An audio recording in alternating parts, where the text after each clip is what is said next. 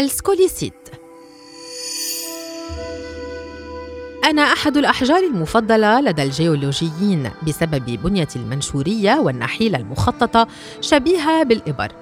فأشكل منحوتات رائعة الجمال فيما يمكن أن يسمى رائعة طبيعية. علمياً أنا سيليكات الألومنيوم وتم التعريف عني للمرة الأولى في العام 1813 في ألمانيا.